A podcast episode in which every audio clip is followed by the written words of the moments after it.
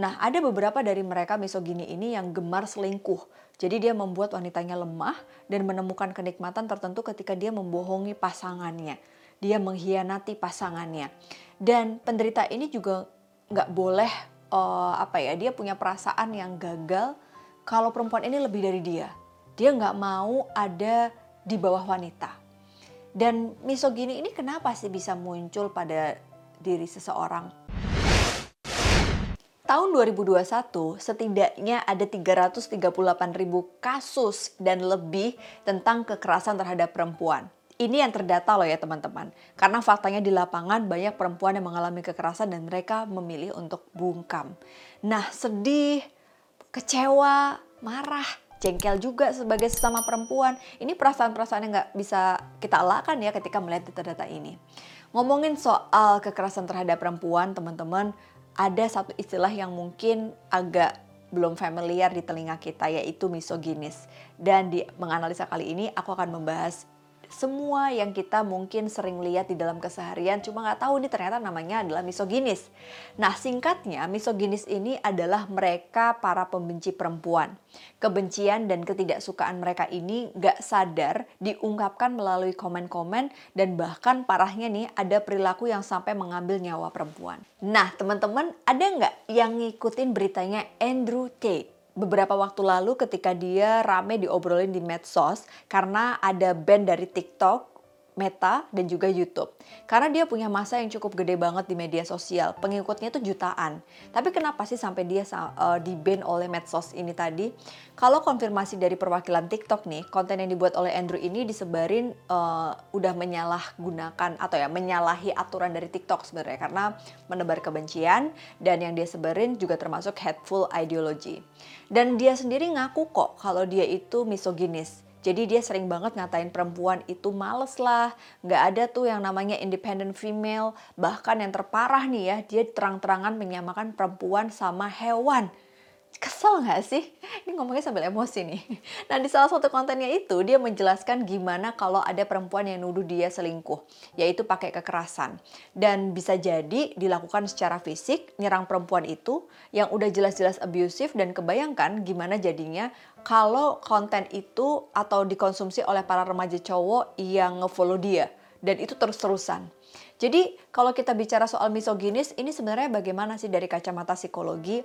Di menganalisa kali ini aku akan ngebahas misoginis, yaitu sebuah istilah orang yang memiliki rasa benci, yang nggak suka sama perempuan secara ekstrim. Memang hampir sebagian yang melakukannya adalah pria, tapi nggak jarang juga perempuan atau wanita lain juga melakukan ini.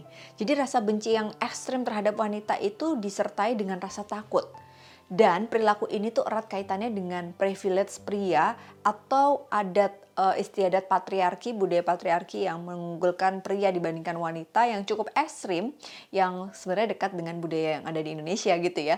Dan ini juga isunya relate dengan diskriminasi gender. Nah, misoginis ini tuh bisa meningkatkan resiko terjadinya kekerasan dan pelecehan seksual terhadap wanita. Dan bahkan perilaku ini tuh biasanya diekspresikan dengan kata-kata yang sederhana, tapi cukup sering kita dengar. Contoh, ih kamu gendut ya? Ih kamu seksi banget sih? Ih kamu kok kayak gitu sih? Nah itu adalah sebuah ungkapan-ungkapan yang mengarah kepada misoginis.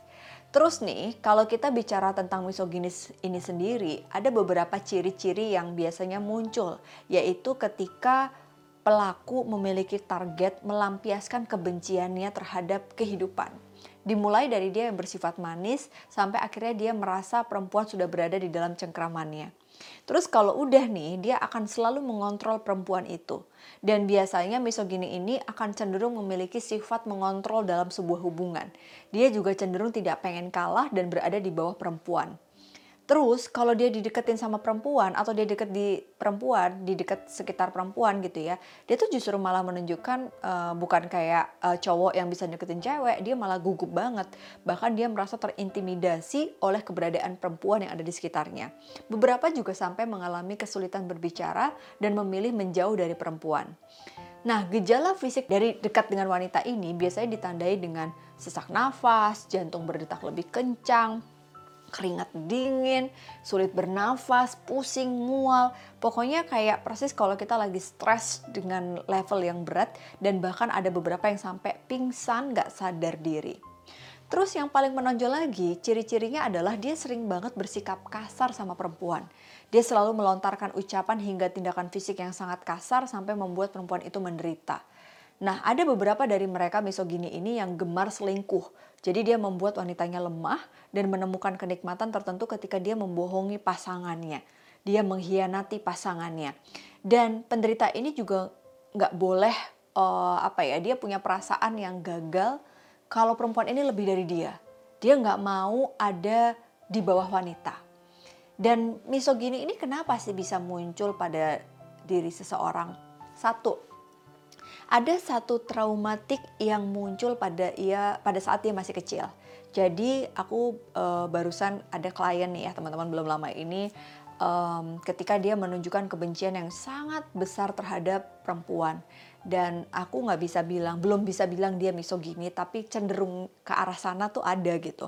Pada saat dia bercerita soal sosok figur ibu ternyata sosok figur ibunya ini tuh uh, hilang dalam hidup dia Ibunya mengidap schizofrenia pada saat dia tumbuh di usia remaja.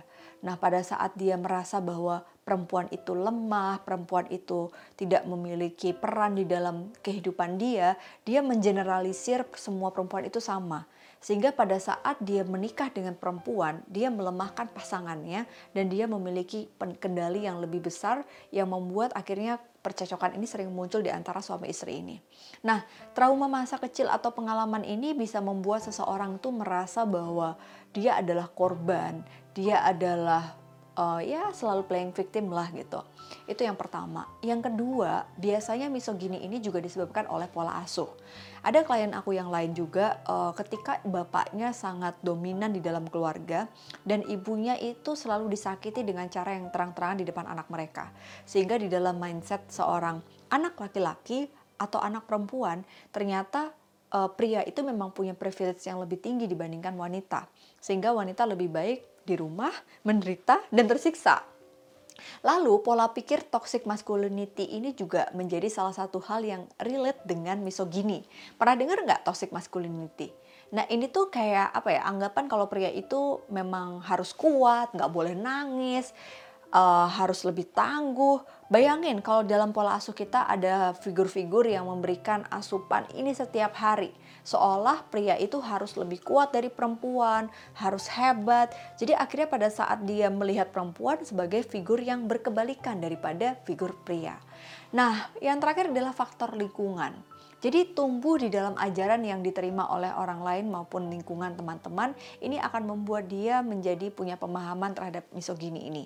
Nah, yang menarik adalah terdapat sebuah penelitian yang menunjukkan bahwa aspek linguistik ini sangat menjadi faktor yang paling kuat dalam uh, perilaku misogini ini. Kenapa? Karena ya pemilihan bahasa kita itu penting banget merepresentasikan bagaimana diskriminasi tentang perempuan dan laki-laki ini uh, ada di dalam keseharian gitu.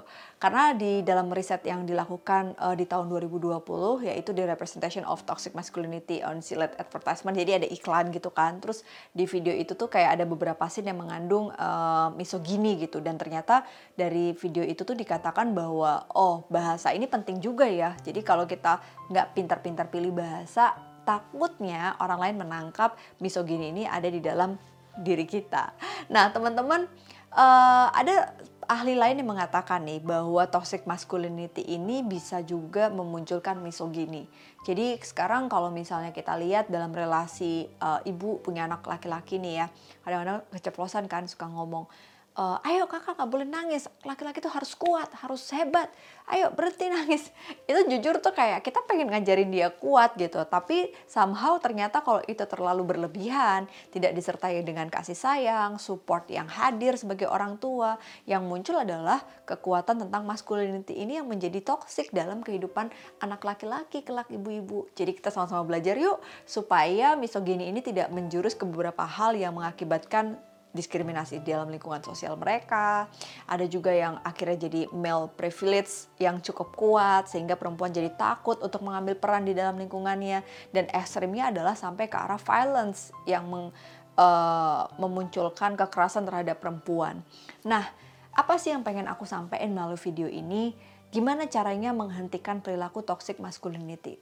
Kalau memang kamu merasa ada gejala yang mengarah ke sana, silakan hubungi profesional. Karena ini bukan sebuah isu yang sederhana. Ini butuh bantuan psikolog atau psikiater yang bisa membantu kamu menemukan akarnya tuh di mana sih? Kenapa aku bisa muncul mindset seperti ini bentuk perilakuku jadi mengganggu gitu. Tapi kalau memang kamu sudah ke psikolog hmm, dan kamu berusaha untuk memperbaiki, lalu kita akan mulai dari mana? Yuk mungkin dimulai dari orang tua nih perjalanan kita sebagai ayah dan ibu. Bagaimana kita menemani perjalanan eh, anak-anak uh, kelak dengan pola asuh yang baik dan memberikan pengalaman uh, yang apa ya yang positif gitu bukan traumatik dalam tumbuh kembang mereka.